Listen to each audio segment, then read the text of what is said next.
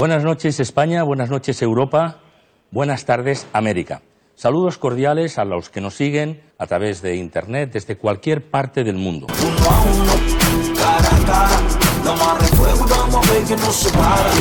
Bienvenidos amigos a esta nueva edición de su programa Cara a Cara. Hola, saludos. Contamos para este Cara a Cara con Roberto Mansilla Blanco. O, o primeiro de todo, benvido. Moitas gracias a esta casa. Por, por este convite. Moitas gracias. Eh, es analista do IGADI, do Instituto Galego de Análise e Documentación Internacional, e licenciado en Estudios Internacionais e máster en Ciencia Política. Eh, está exercendo responsabilidades eh, ou exerceu responsabilidades en medios de comunicación venezolanos uh -huh. e agora eh, colaboras tamén uh -huh. con, con varias eh, publicacións tanto de aquí como de, de la de, de, de Venezuela. Venezuela. Uh -huh. Con esta presentación mmm, ben, se podría pensar que vou falar de política. Non, non imos a falar de política, de relacións internacionais, ou sí, ou sí.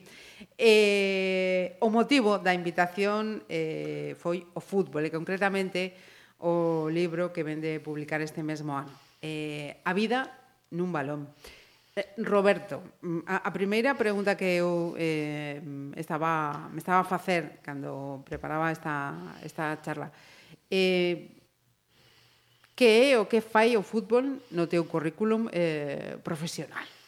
Profesional non, pero sí persoal, porque eu son un gran apasionado do fútbol. Ajá. Entón, eu sempre pensei, eh, gustame moito as anécdotas, as historias que hai detrás do fútbol, como pode ser tamén detrás de calquera disciplina deportiva, detrás de calquera outra actividade musical, cultural ou artística, pero bueno, especificamente como a min gustame moito o fútbol, e eh, soi un gran seguidor, eh, sempre estudiei moito, eh, leín moitísimas cousas de anécdotas e de historias que, que a min chamaronme moita atención por dúas cousas. Primeiro, polo valor humano Ajá. que hai detrás desas anécdotas, segundo, polo contexto en que tiveron que vivir que foron moitos contextos desde o punto de vista histórico, político, de conflictos e tal, e como a min tamén a historia apasioname moito, uh -huh. pois eu pensei que era a forma un pouco tamén de vincular ambas pasións, o fútbol e a historia, dentro dun, dentro dun libro a través de anécdotas de fútbol, que eu penso que, bueno, que era o que podía interesar máis. Non? Uh -huh.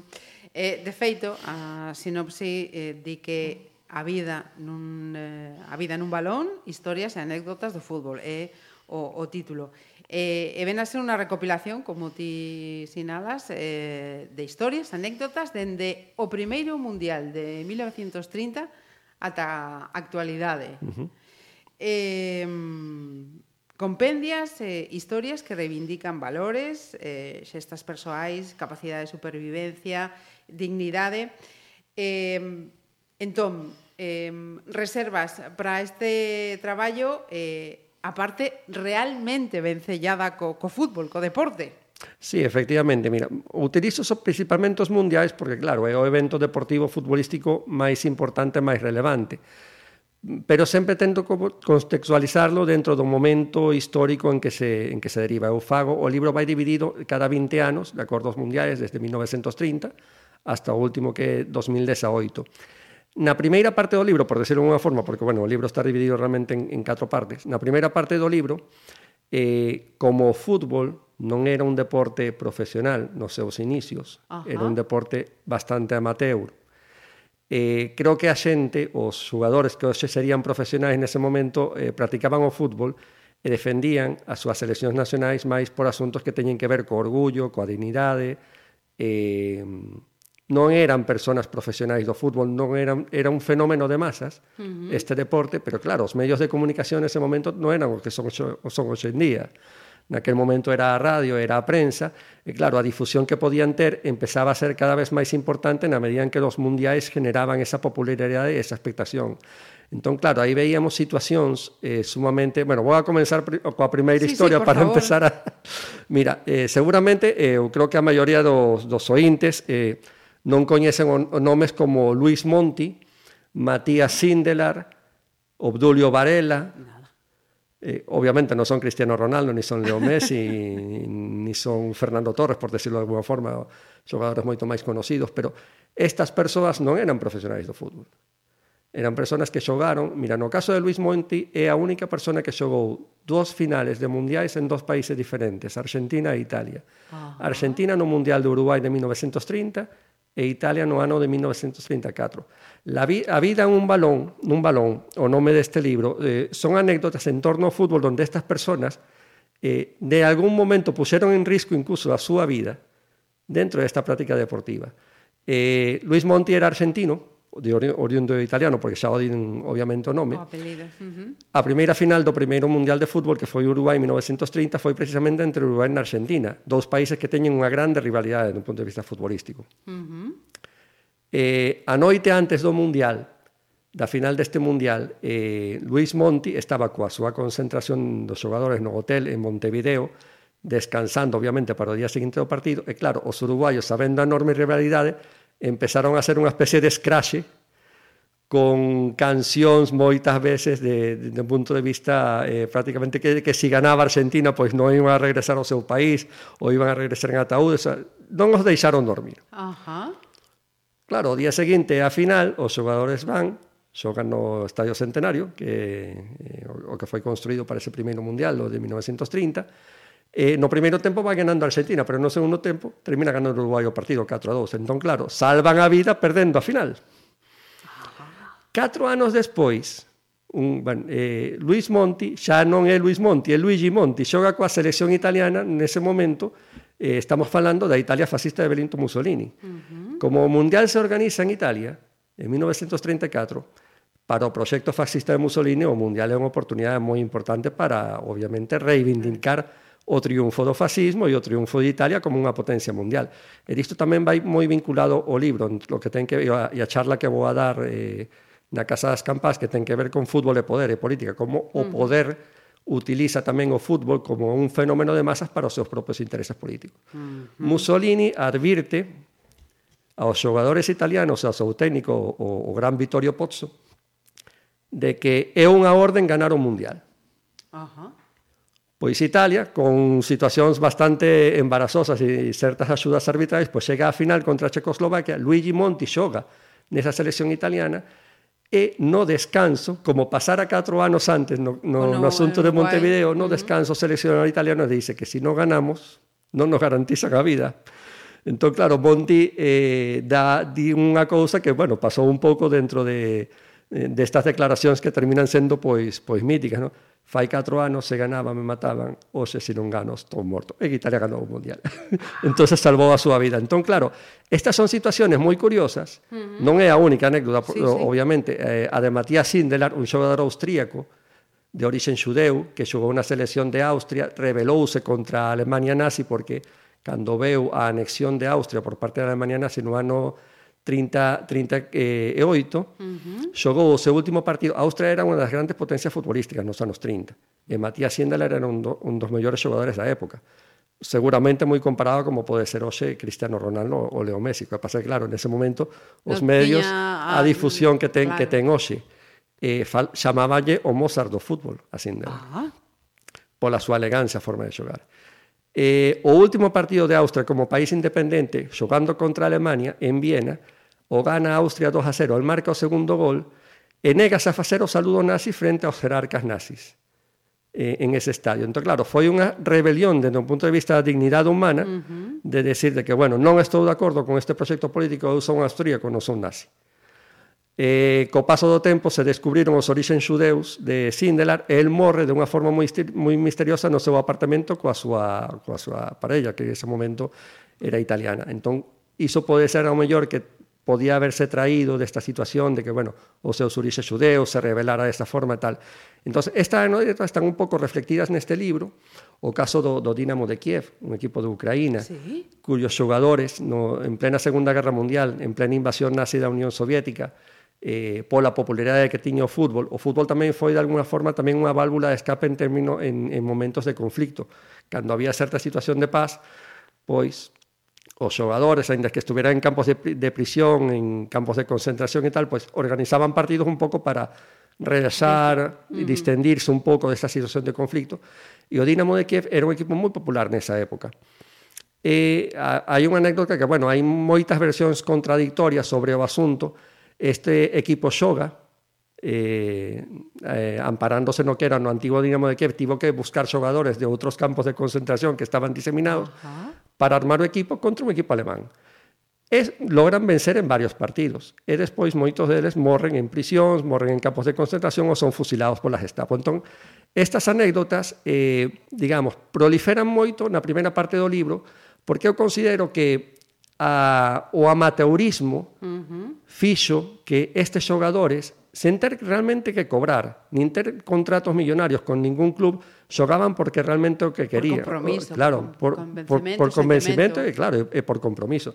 Entón, claro, iso reflicte toda unha serie de situaciones de solidaridade, eu creo que tamén moito de humanismo. O Dulio Varela, que te decía anteriormente, o gran capitán de Uruguai no Maracanazo do ano 50 en Brasil, que foi unha das grandes sorpresas do fútbol mundial. Brasil organiza no, ano, no mundial no ano 50, xusto despois do, do final da, da Segunda claro. Guerra Mundial.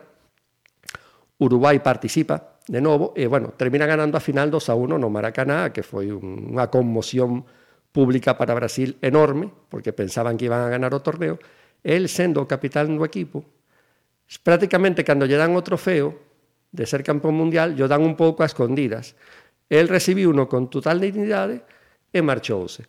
Cando regresan ao hotel de concentración da selección uruguaya, el decide dar unha volta para ver un pouco como estaba a xente na, na rúa, conmocionada obviamente coa derrota, Ajá. vai a un bar, toma unha cerveza, ninguén o coñece, porque claro, nese momento non hai televisión, mm. non hai redes sociais, como o se Cristiano Ronaldo Messi non podría eh, facer eh, eso. Ni, vamos, eh, nin de broma.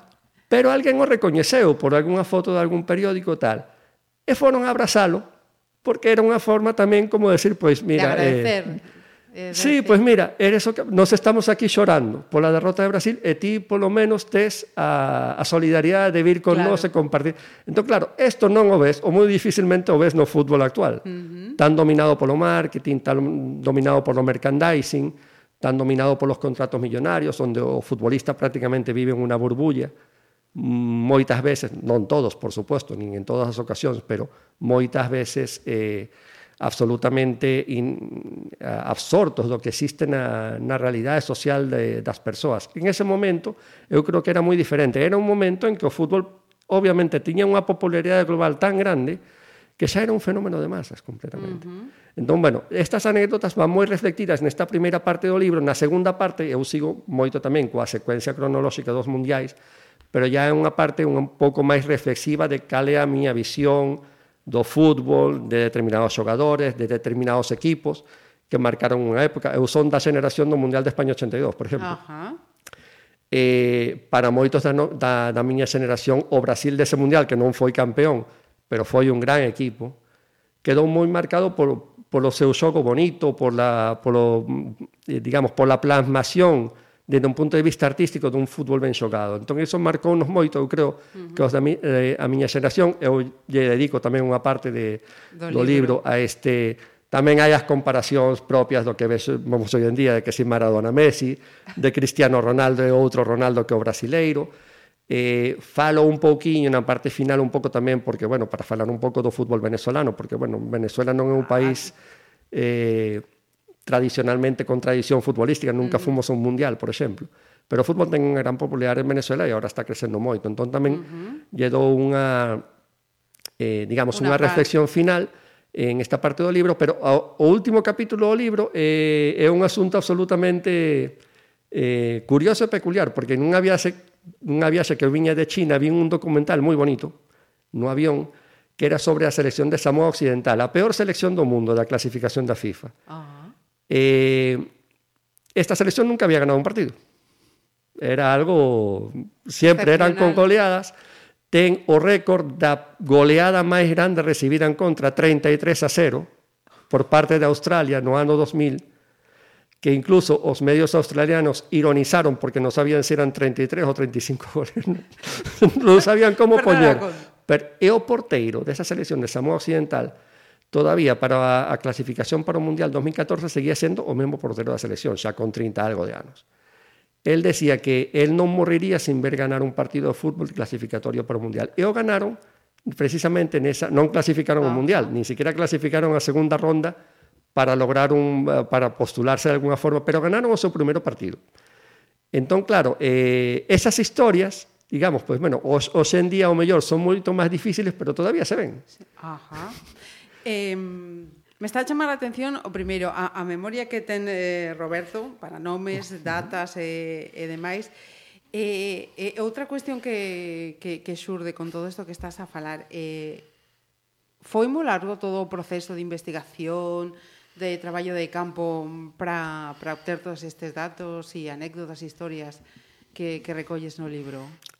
Mira, en realidad o escribí en tres meses. Como?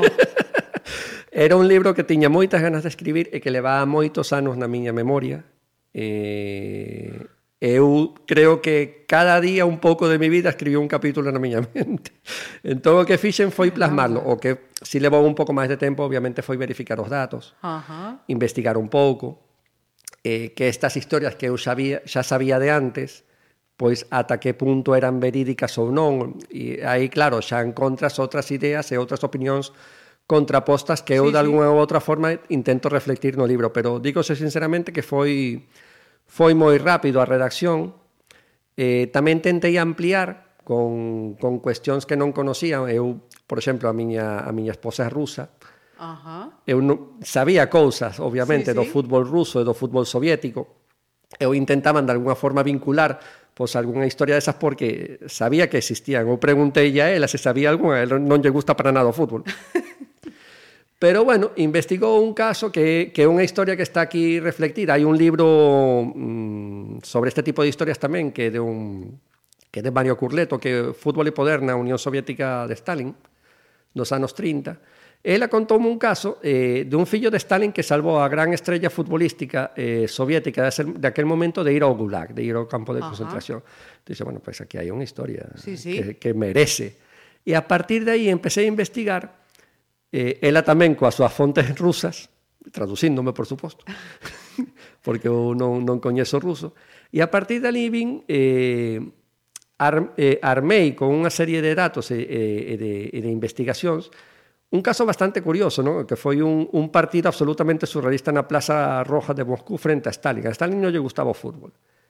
E a pesar das grandes concentracións de masas que existían na Unión Soviética, eh, e sobre todo na, na, na época do stalinismo Stalin realmente detestaba as masas. Sí. Entón, claro, o fútbol é un deporte de masas mm. realmente. Sí. E aínda que na Unión Soviética non era profesional porque era unha actividade burguesa e non correspondía coa, coa ideoloxía socialista, eh, o fútbol era moi popular. E había un gran equipo popular en la Unión Soviética, era o Spartak de Moscú, ah, e unha das, sí, claro. e, que era precisamente considerado o equipo do povo. Porque na Unión Soviética pois, tamén existía o Dinamo Moscú, que era o Ministerio do Interior, o Torpedo Moscú, que era a clase obreira, outro que era eh, dos servizos secretos, outro que era das Forzas Armadas e tal. E a partir de aí tamén había rivalidades que chegaban aos altos cargos do, do réximen no, soviético. Uh -huh. Entón, para que o fútbol terminara de popularizarse na Unión Soviética, tiña que pasar obviamente pola aprobación de Stalin.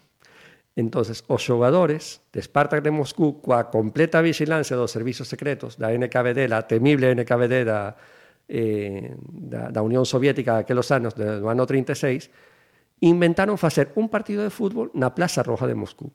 Aquelo era acondicionar aquel espacio como se si fora un campo futbolístico. A Plaza Roja está xera de adoquines. Sí, sí, sí, entón, sí. imagínate facer unha especie de alfombra para que os xogadores puderan... Poderán xogar. As peripecias de facer todo eso, de ter que facelo de día, ter que facelo, perdón, de noite, porque Ajá. de día tiñan que abrilo para que pasara a circulación dos tranvías uh -huh. completamente como de forma diaria, para que se chegara a ese día do partido, que foi un partido que alguén, algúns dicen que foi de 15 minutos, outros de 45 minutos, porque a Stalin non lle gustaba moita uh -huh. estar moito tempo así vendo esa cousa, non lle gustaba realmente ese tipo de actividades, entonces foi unha situación bastante curiosa, a, a forma e as dificultades Claro. Porque outra cosa das que eu falo no libro é a superación das adversidades que tiveron que facer todas estas personas para que o seu objetivo, neste caso popularizar o fútbol, chegara ao seu máximo nivel.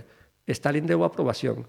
Se Stalin non dera aprobación dese partido e non lle gustara, uh -huh. pois probablemente o fútbol non tivera éxito na Unión Soviética, nin coñeceríamos a grandes xogadores soviéticos, ni a esa camiseta tan peculiar que tiña a Unión Soviética, CSSP, que eran sí, siglas sí eh, da, Uni da, Unión Soviética en ruso. Entón, claro, son, digamos, esas, estas historias que a mí sempre me chamaron moitísimo a atención e que dixen, merecen estar reflectidas realmente en un libro. Sen, ¿no? sen dúbida alguna.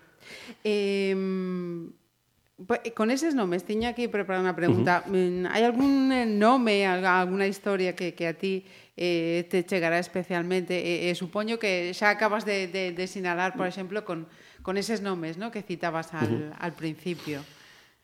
A mí a máis, eh, realmente a que máis mm, me gustou e me emocionou foi a, a de Obdulio Varela por la súa sencillez uh -huh. como persoa. Donde ves un campeón de mundo que lle acaban de dar a copa, que o que debería estar era celebrando cos seus, sair a rúa, a rúa do país que acaba de vencer para palpar con eles uh -huh. ese mismo sentimento, ese mismo sufrimento. Eu creo que ali foi unha, un, eu creo unha lección de humildade, uh -huh. de sencillez, o de Samoa tamén, porque... Eh, eh, este o de Samoa que gana o seu primeiro partido uh -huh. nunha etapa de clasificación eh, primeiro polo que é, é unha illa que incluso eh, sufriu moito co tsunami do 2005 perderon a vida moita, e moita xente que algúns deles era, habían sido xogadores desa selección uh -huh. eh, de Samoa eh, e o documental é bastante emotivo entón digo que bueno que o documental dixen, pois pues, mira vou a investigar un pouco máis para, para colocarlo, creo, como o epílogo un pouco do libro. Esa foi bastante importante, pero mira, hai unha anécdota que, bueno, eh, non hai que ir leónse de Pontevedra, porque hai unha ah. das que estou aquí, que está reflectida ne, no libro tamén, eh, foi, fai 50 anos, e seguramente hai xente aquí de Pontevedra que pode recordar, prácticamente, porque, bueno, hai, eh, digamos, eh, hemeroteca desde un punto de vista da, uh -huh. da prensa de que así está tipulado. Eh, o Estudiantes da Plata, un equipo argentino, que fora campeón da Libertadores de América nese ano, veo a xogar aquí un torneo eh, de verán co famoso Pontevedra ese que hai que roelo daquella época, que era, que era tan tan coñecido tal. Veo a xogar un torneo de verano que creo que estaba valorado para a época en 100.000 pesetas, o trofeo. O Estudiantes da Plata tiña un xogador que era Carlos, Carlos Salvador Vilardo, que despois foi técnico e campeón coa selección da Argentina no ano 86 cando estaba Maradona. Ese equipo baseábase moito no que se chamaba o fútbol sucio, xogo sucio. Era artimañas, estrategias de todo tipo para provocar o contrario. Incluso se falaba que eh, Bilardo e outros dos seus compañeros colocaban alfileres nos seus calcetines para nas xogadas a balón parado, saques de esquina ou faltas, pinchaban ao contrario, o contrario, claro, reaccionaba, pegaba un golpe e o expulsaban. Entonces, iba. Ese tipo de tetras, de artimañas, o utilizaba moito este equipo o Estudiantes da Plata. E viñeron aquí a xogar este trofeo. Era un torneo que era un trofeo que non era oficial. Uh -huh. pero, pero bueno, xogaron aquel partido como se fora unha final do mundo. Partido empatado, 0 a 0, patadas por todos lados, provocaciones.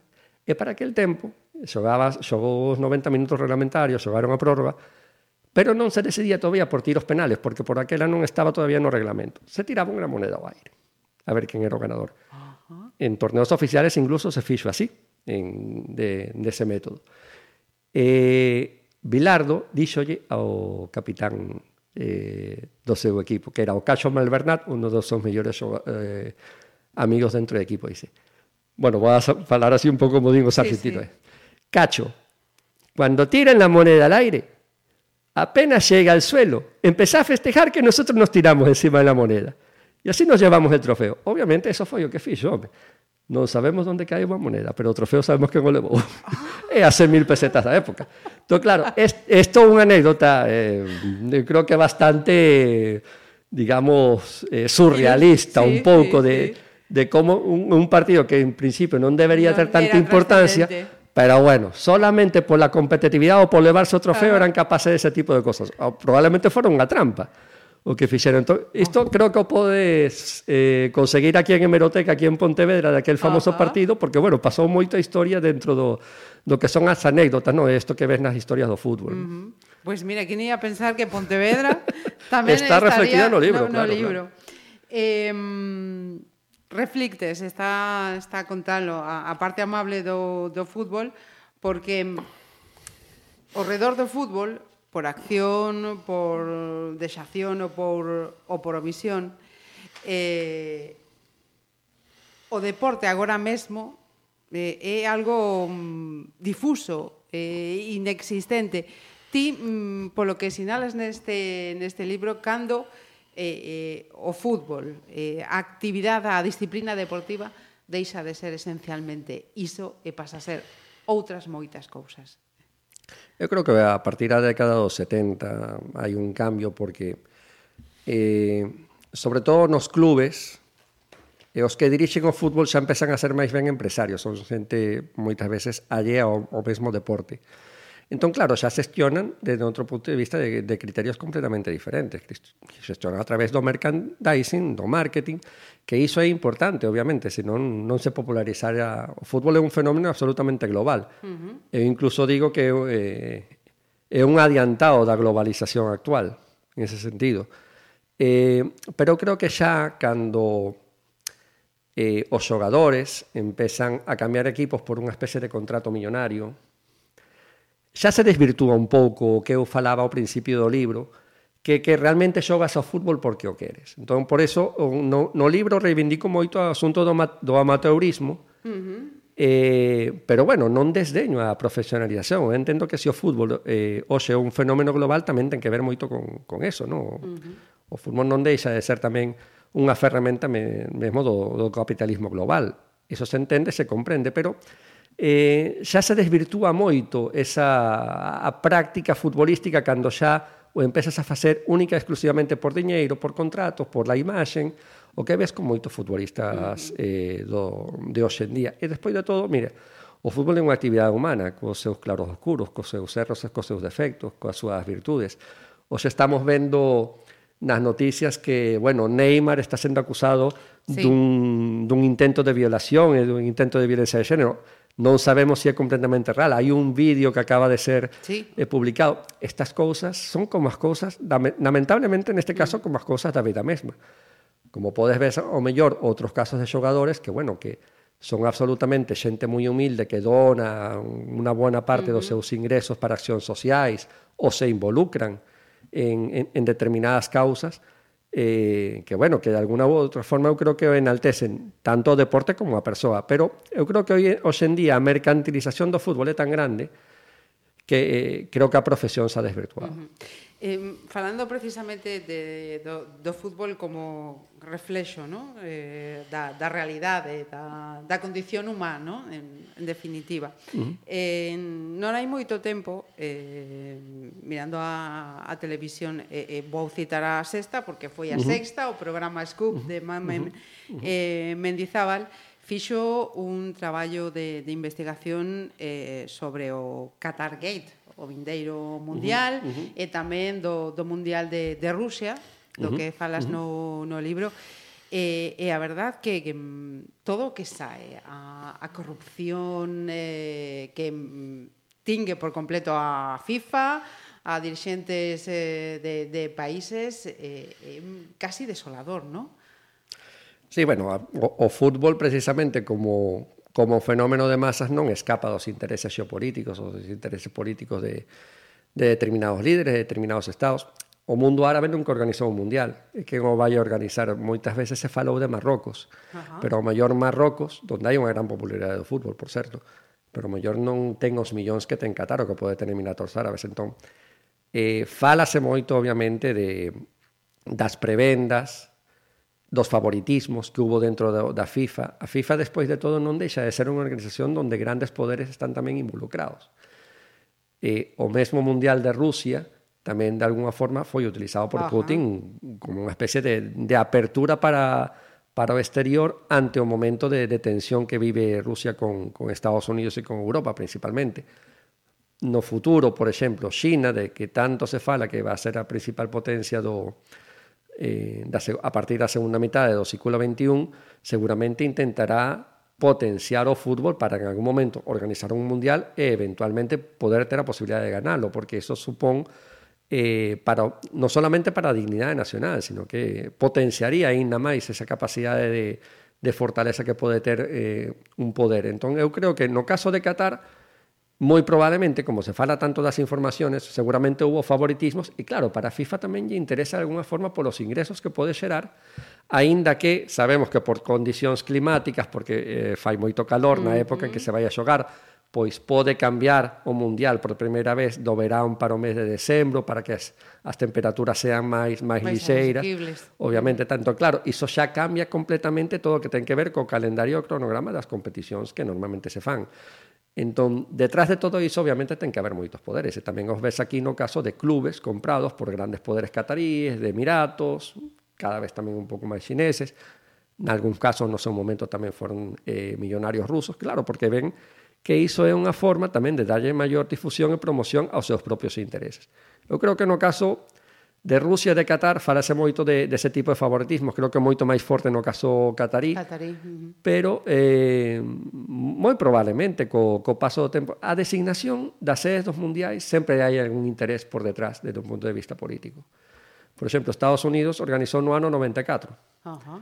Foi o primeiro mundial despois de que terminou a Guerra Fría. Uh non é unha casualidade que sexa en Estados Unidos que foi o teórico vencedor de, deste procedimento. Para o ano 2026 vais a realizar outra vez en Estados Unidos. E se sabe que houve moita presión por parte de Trump para que así fora. Porque sabe que iso vai a xerar ingresos, inversións, turismo, eh, toda unha mecánica desde un punto de vista da, das ganancias e dos ingresos que, bueno, que, para toda unha serie de poderes establecidos lleva, a interesar. Eh, outra enfermidade que mm. penso ten, ten o fútbol son os, os hooligans, a violencia mm-hmm. que, que exercen e o que coleva. Mm, ata o punto, por exemplo, de ter, eh, isto o quero citar, por exemplo, o caso da última Copa Libertadores entre mm. River e, e Boca, que tivo que sair do, do país. Uh -huh. mm, ¿Hasta qué punto merece a, a pena permitir eh, eso? Bueno, o, o fenómeno eh, do hooligan, do ultra, do radical, de, desafortunadamente, eh, o fútbol crea moitas identidades, dende o punto de vista tamén colectivo, identidades de todo tipo, pois étnica, social, nacional, mesmo comunitario. Eu creo que, bueno, eh, o hooliganismo, por falarlo de alguna forma, tamén chega a ser unha especie de modus vivendi. ¿no? Eu creo que xa chega a ser... Normalmente tendemos a identificarlos como unha especie de estrato social moito máis baixo. Probablemente sexa así, pero por lo menos no caso, do que vemos tanto dos hooligans como dos, dos barras bravas argentinos, uh -huh. neste, no caso que falabas agora de, da final da Libertadores de River e Boca. Eu creo que, bueno, que é un efecto pernicioso do fútbol, que obviamente se tenta combatir, pero que moitas veces é inevitable, porque o fútbol desperta moitas pasións. E moitas pasións que se desbordan. Eh, o estadio é, digamos, a especie de territorio de expresión deste tipo de identidades eh, e sempre ten que ser un como unha unidade comunitaria, unha identidade contra outro. Entón, claro, o fútbol o expresa dende un punto de vista onde non van a haber aparentemente ou polo menos non teóricamente non van a haber víctimas mortais. É unha competición deportiva pero os enfrentamentos poden estar nas gradas. Entonces, eu creo que este tipo de modos de modos vivendi desafortunadamente son inevitables, aínda que existan obviamente toda unha serie de campañas eh, na súa contra. No caso específico da, da final da Libertadores, entre River e Boca, eu creo que eh, para o fútbol argentino foi eh, a manifestación de que hai un, un cáncer, un problema que leva incubado durante moitas décadas. É un problema social, un problema xa absolutamente por fora do fútbol, porque todos sabemos, e isto sabe, se sabe moi ben cando eh, se fala con argentinos e, eh, e académicos argentinos que estudian o que é o fenómeno de fútbol como fenómeno de masas, eh, que se comenta de que, bueno, que as barras bravas realmente moitos deles dominan os clubes, dominan a conxunta directiva, dominan os xogadores, extorsionan. Todo hai unha especie de negocio detrás de todo iso que é moi difícil romper. Entón, eu creo que se se chegou a isto, xogar en unha final de Copa Libertadores fora de América, neste caso en mm. Madrid, eh, eu creo que é unha expresión de que hai un fracaso social eh, non só en Argentina nesse mm-hmm. sentido. Claro, porque eh, eh, esa situación mm, parece dende fora, eu que non estou mm-hmm. metida na, na, na información mm-hmm. ou no, no, no fútbol, eh, pero dende fora dá a impresión que non só é un, un cancro de, de América, sino tamén de, do, dos clubes europeos. Eh, eh non sí. sei, aquí, incluso aquí neste país. Aquí, eh, máis ou menos polo que he podido ver, relativamente logrouse controlar. Existen os hooligans, por suposto, existen os ultras, existen informacións e eh, reportaxes completamente verídicos de que eso é unha realidade, pero eh, quizás eles móvense nun determinado círculo onde quizás para as autoridades máis ou menos, pois de alguna ou outra forma, poden controlar. Ata onde eu sei, eh, no caso argentino é moi diferente porque eh, xa trascenderon absolutamente eh, o que ten que ver co, coa actividade futbolística e coa pertenencia a un club. Eh, o que están facendo é que viven deso. Sí. E detrás deso hai unha mafia ou unha serie de mafias que, eh, que se moven. Entón, eh, xa iso trascende completamente a actividade, a actividade deportiva. É un modus vivendi completamente deste tipo de grupo. E, entón, eh, pensas que, que se traballa arreo para acabar con coa situación, pero non é nada eh, sinxelo. Sinxelo non é, eh, sobre todo, en ten, mira, no caso, por exemplo, de Inglaterra, eh, eu creo que o hooliganismo existe. Temos aí o caso claro. de Liverpool-Tottenham, recentísimo. Sí, pero non é o mellor tan violento como fora fai décadas. Uh -huh. e, e mesmo na Premier inglesa, cando ves os partidos, dificilmente hai unha situación agora de violencia. Antes sí existía. Ajá. Uh -huh Pero iso porque, bueno, as autoridades e o mesmo goberno eh, e as institucións de alguna outra forma intentaron eh, bloquear Oyer este medidas. tipo e, eh, mm. colocar medidas para que de algún, alguna outra forma pois lograra minimizarse ou en todo caso reducirse. No caso, eh, ata onde eu sei, no caso da Argentina, que é o caso específico donde este tipo de hooliganismo é moito maior, nin con moitas medidas, eu, eu, incluso parte da clase política de alguna forma tamén está detrás disto, porque, bueno, Ajá. ali pode haber votantes tamén. Ujú, No, sin Entón- dúbida. Sin dúbida. Mira, eh, eh, para terminar esta interesantísima charla, estou, estou absorta completamente.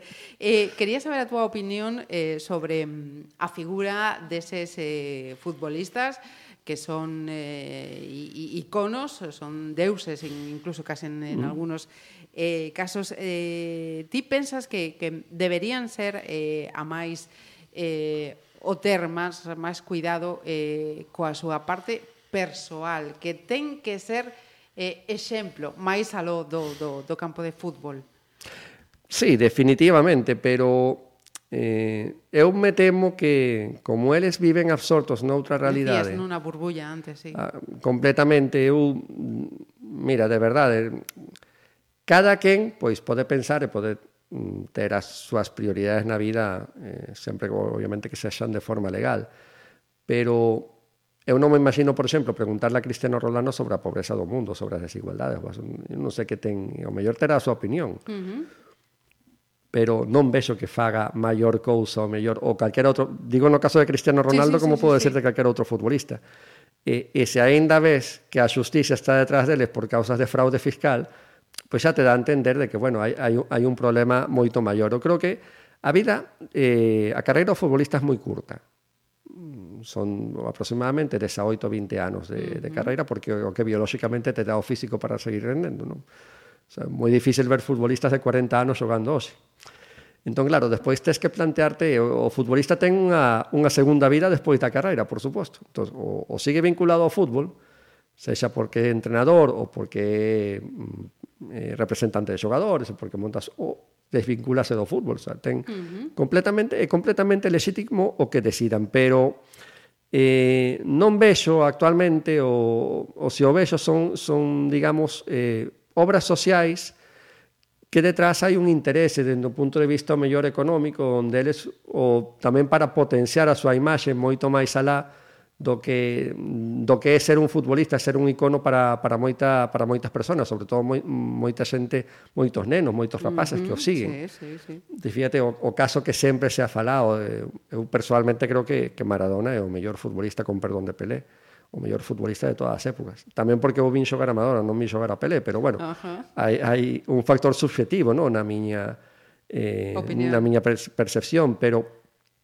claro, Maradona como futbolista é unha cousa, e eh, como persona ha sido unha persona bastante controvertida, uh -huh. e bastante polémica, e non deu un exemplo, creo eu, uh -huh. eh, como ten que ser unha persona, non supo realmente manexar esa fama, eh, esa, eh, e saber que é un ícono e que é unha persona moi seguida, máis alá de que hai unha religión maradoniana sí, que, sí, sí, que sí, se sí. sabe que existe, de, no? sí, sí, sí. pero bueno, ten os seus feligreses, uh -huh. pero eu creo que non, non soupo dar ese exemplo, máis alá de que dé declaracións ou que de faga cosas que eu creo que ao mellor é o que pensa o que sinte, pero que fan de forma oportunista. El fai, lembro, fai 20 tantos anos, creou un sindicato de futbolistas. Uh -huh. Moitos futbolistas de buena fe lle deron o seu apoio e morreu no mesmo, no mesmo momento en que lo dixo. Ajá. O sea, non deu continuidade a unha serie de cousas que poderían haber sido importantes para o progreso do fútbol. Uh -huh. Entón notas que detrás de todo iso hai un mm, certo oportunismo o que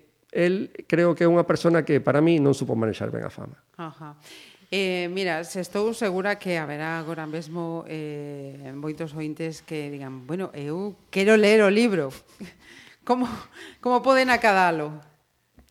O libro, bueno, a editorial Punto Rojo, que é a que eh, eh publicou o libro neste ano 2019, o está promocionando moito no, no formato de ebook. Ajá eh, tanto en el corte inglés como en Casa do Libro. Ajá. Eh, os exemplares impresos son por impresión a baixo demanda, co cal se ten que pedir coa, eh, coa editorial. É unha presentación que farei esta tarde na, na Casa das Campas, levaré algúns exemplares impresos que foron os que eh, xestionei eu coa, coa editorial, porque isto é un proxecto autofinanciado, realmente. Ajá. Entón, bueno, eu... este, estes días precisamente falábamos tamén eh, desa cuestión, no? A uh -huh. autoedición, a autoedición do, sí. dos libros. Sí, o xa é un, digamos que un método que se está popularizando moito. Sí.